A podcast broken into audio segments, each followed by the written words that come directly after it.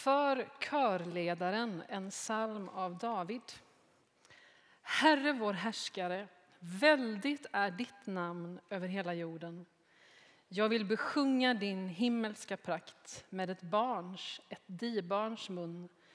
Du har rest ett värn mot dina fiender för att betvinga ovän och hämnare. När jag ser din himmel som dina fingrar format, månen och stjärnorna som du fäste där, vad är då en människa att du tänker på henne?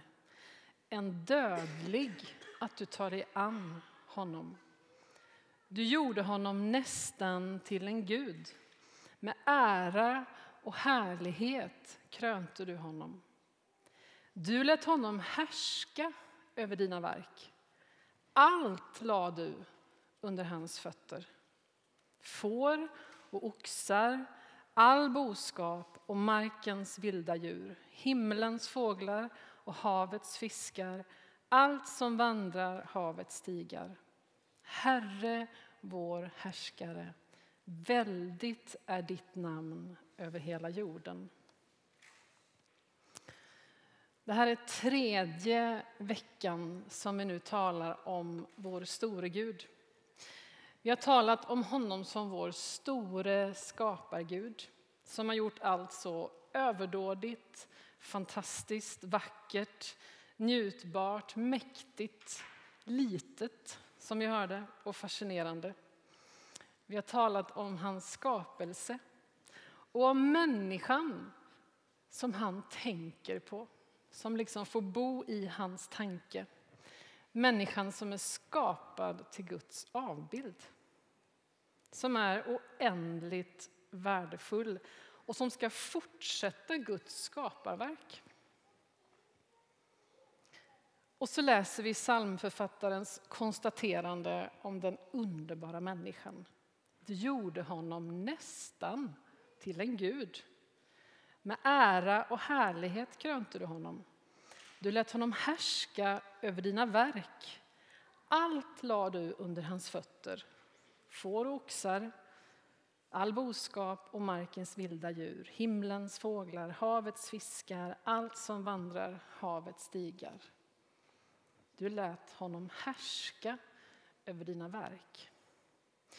Kung David som står som författaren till den här fascinationen, han säger det han gör utifrån vad han ser runt sig.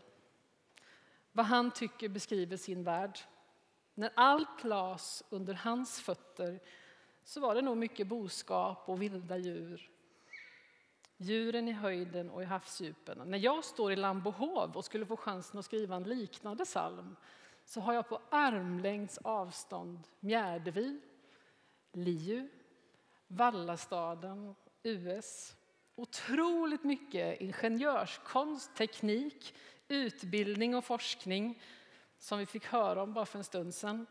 Det senaste inom arkitektur och byggteknik och framstående sjukvård. Du, Gud, lät oss härska över allt ditt verk. Och titta vad fantastiskt det blev. Allt la Gud under våra fötter, öronen och allt annat.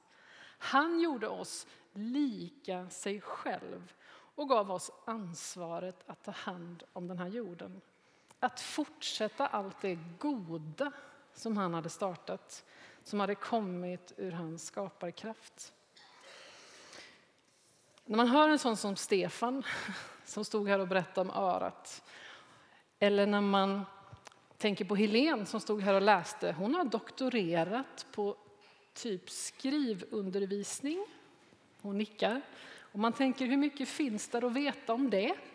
Lär sig ändå inte de flesta att skriva? Alltså den här universum av kunskap och forskning som bor i så många människor. Allt la Gud under våra fötter. Vi skulle härska över hans skapelse. Ja, det var ungefär vad jag ville säga. Men jag ska hänga upp ditt liksom, minne på tre stycken krokar. Allt la han under våra fötter. Tre liksom aspekter av skapande, eller tre minneskrokar att hänga upp det här på. Så att du kan gå ut härifrån och förstå vad som ligger under dina fötter. Gud formade människan, står det. Och vi får fortsätta forma. Vi får skapa med det som har getts oss som talanger och gåvor. Och liksom listan på allt som kan formas skulle kunna göras oändligt lång. Jag börjar lite grann. När du bygger, eller sköter trädgården eller skriver eller spelar instrument, eller målar, eller bakar, eller syr, eller konstruerar, eller röjer skräp, eller smyckar, eller inreder, eller lagar något, gör en ritning, eller några Excel-filer eller en budget, drar kablar, komponerar musik eller skriver poesi, redigerar bilder, fotar, dukar, binder en bukett, drejar, planterar, lagar tänder, lägger asfalt, plöjer. När du gör något som blir något, när du formar något, då är du Guds medskapare och hans avbild. Jag tänker att du gör det berättar vem du är. Och hur du gör det kan få berätta något om vem han är. Din skaparglädje, hur du formar, din noggrannhet, din arbetsglädje kanske, hur du använder din förmåga. Det får bli ett eko av honom själv, av hans skapande. Vi kan ju se oss omkring precis liksom här inne. Jag var inte med när det här huset byggdes, många av er var det. Vår egen församlingsmedlem och församlingsvän Bengt Vinell lär ha ritat det här. Hur går det till? Hur kan man tänka ut ett hus? Hur kan man rita det? De där fönstren där vi får följa årstiderna och väderlekarna. Någon har målat de här höga väggarna vita.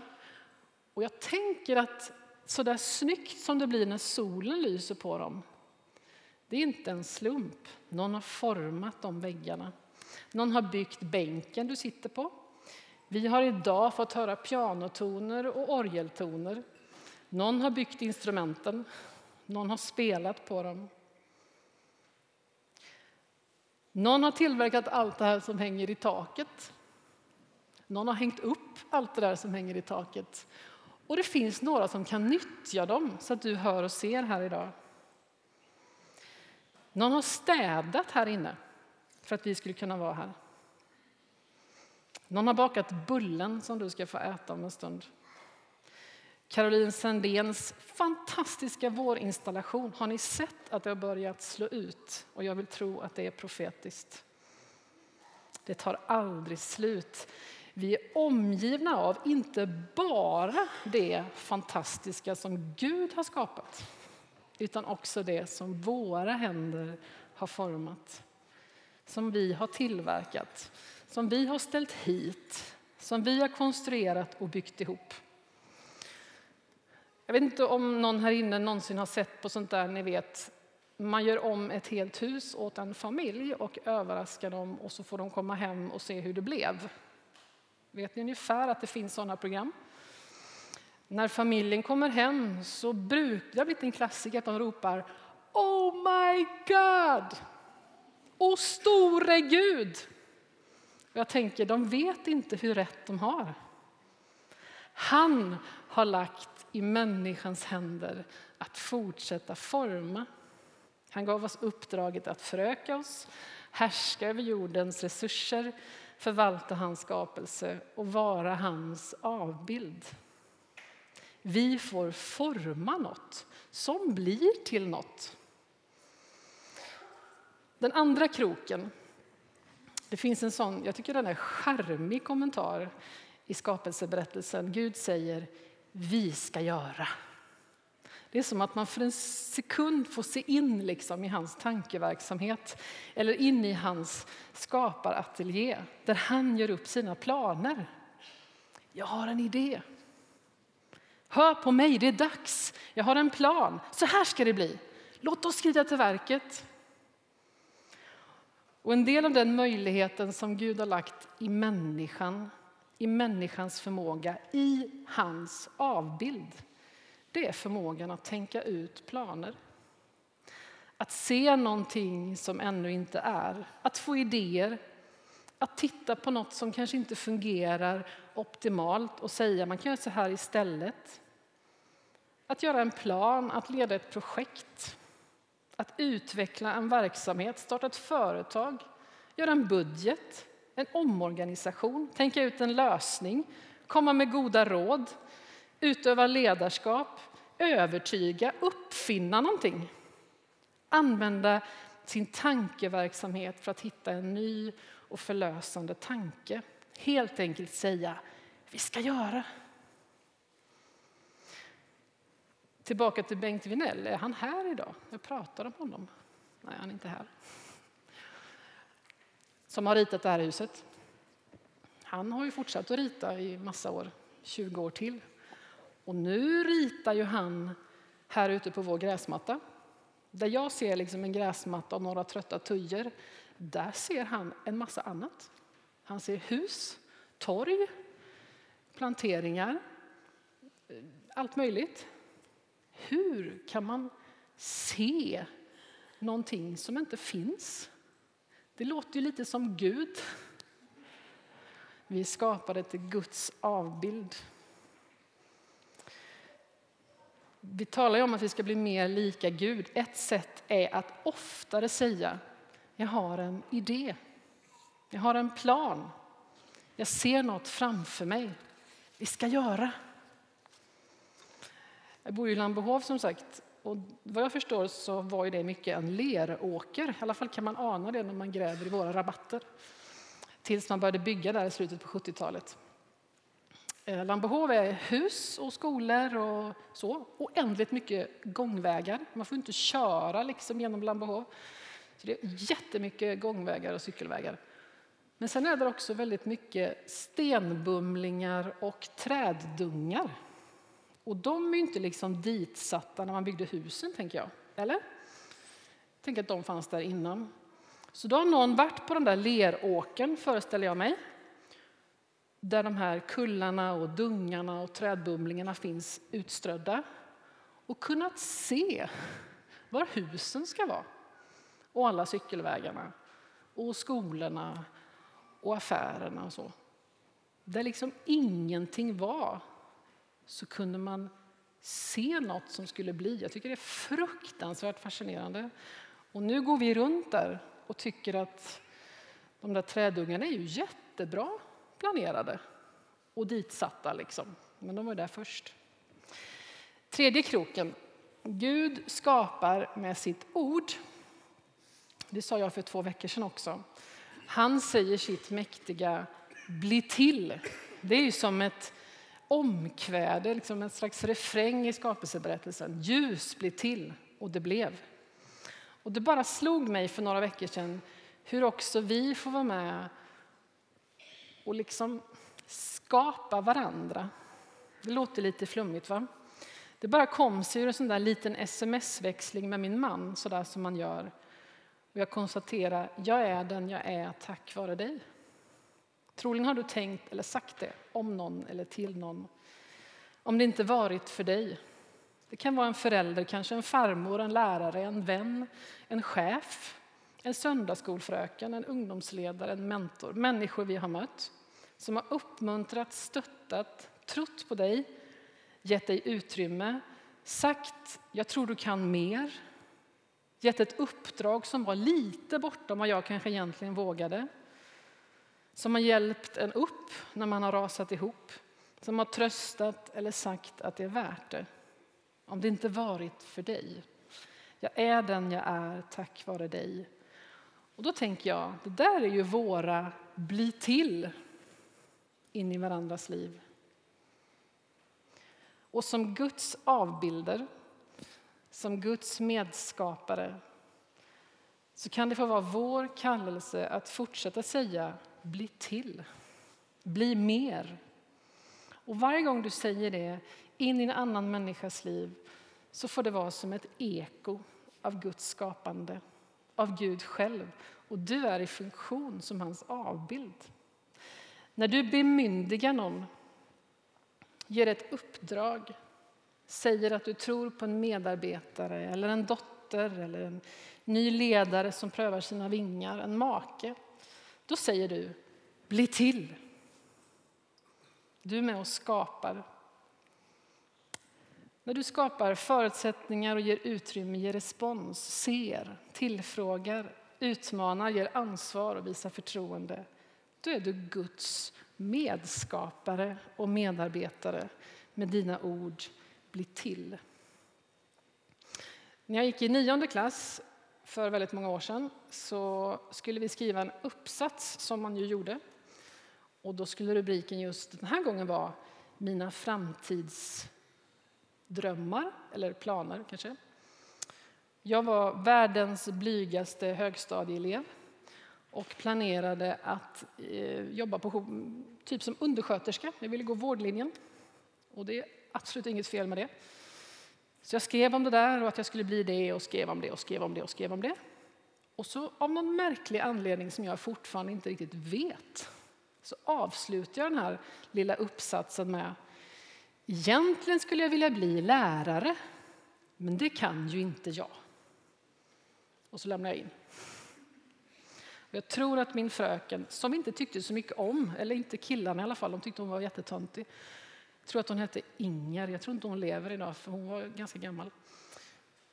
Hon skriver som respons, jag minns inte betyget, förmodligen högt, för jag var väldigt bra på svenska. Eh, men hon skrev också så här, och förresten, det kan du visst, skrev hon.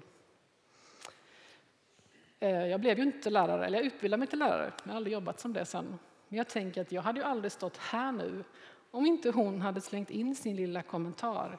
Det kan du visst bli till. Och jag tänker att du också har sådana personer som har sagt sitt skapande bli. När jag blir gammal, eller äldre, vi blir ju aldrig gamla, vi blir bara, vi blir bara det är en sån äldre. Då vill jag sitta här, eller vilken kyrka jag nu finns i, var jag bor och titta ut över alla människor och över allt som sker. Och så ska jag se mig om och märka vad det blev. Jag skulle vilja ha hunnit med så otroligt många bli till. Och så ska jag njuta av allt som bara sker runt mig utan att jag behöver göra någonting. Och ska jag tänka, det är mycket gott.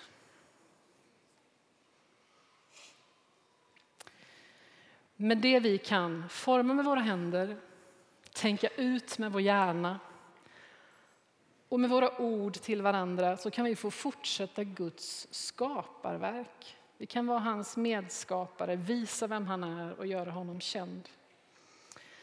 Det går också såklart jättefort att inse baksidan av den här enorma kraft som han har lagt i våra händer. När vi ser på vilka destruktiva redskap vi kan forma med våra händer.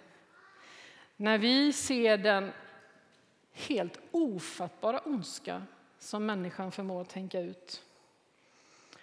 Och hur oändligt vi kan förgöra varandra med våra ord som är långt ifrån bli till, som snarare är lägg ner. Hit men inte längre. Och när man tänker på det, då inser man vilken kraft och vilken makt Gud har lagt i människans händer. Vilken skaparkraft, vilken sprängkraft. Oj, vad han har lagt under våra fötter. Vilka resurser vi har att förgöra precis allt. Eller att istället fortsätta på det fantastiska som Gud satte igång. Allt la du under hans fötter. Vi fick ansvar att råda över jorden, att bruka den, vårda den, fylla upp den. Vi har makt och vi har förmåga att både förgöra och förfina att förstärka förkunnelsen om skaparen som syns överallt eller att kanske för alltid tysta den. Allt la han under våra fötter. Vi kan göra världen till en allt bättre plats för allt fler människor. Vi kan bemyndiga varandra, tänka ut fantastiska nya lösningar på stora problem, skapa de vackraste symfonier för njutning, de mäktigaste husen, de mest fantastiska verktygen.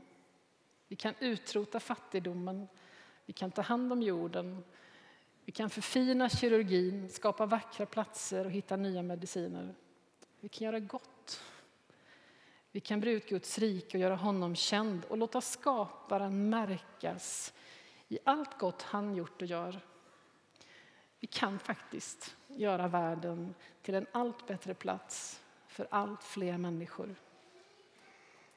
Han gjorde oss nästan till gudar. Med ära och härlighet krönte han oss. Han lät oss härska över sina verk. Allt la han under våra fötter. Frågan är vad vi gör med all vår makt och vår skapande kraft.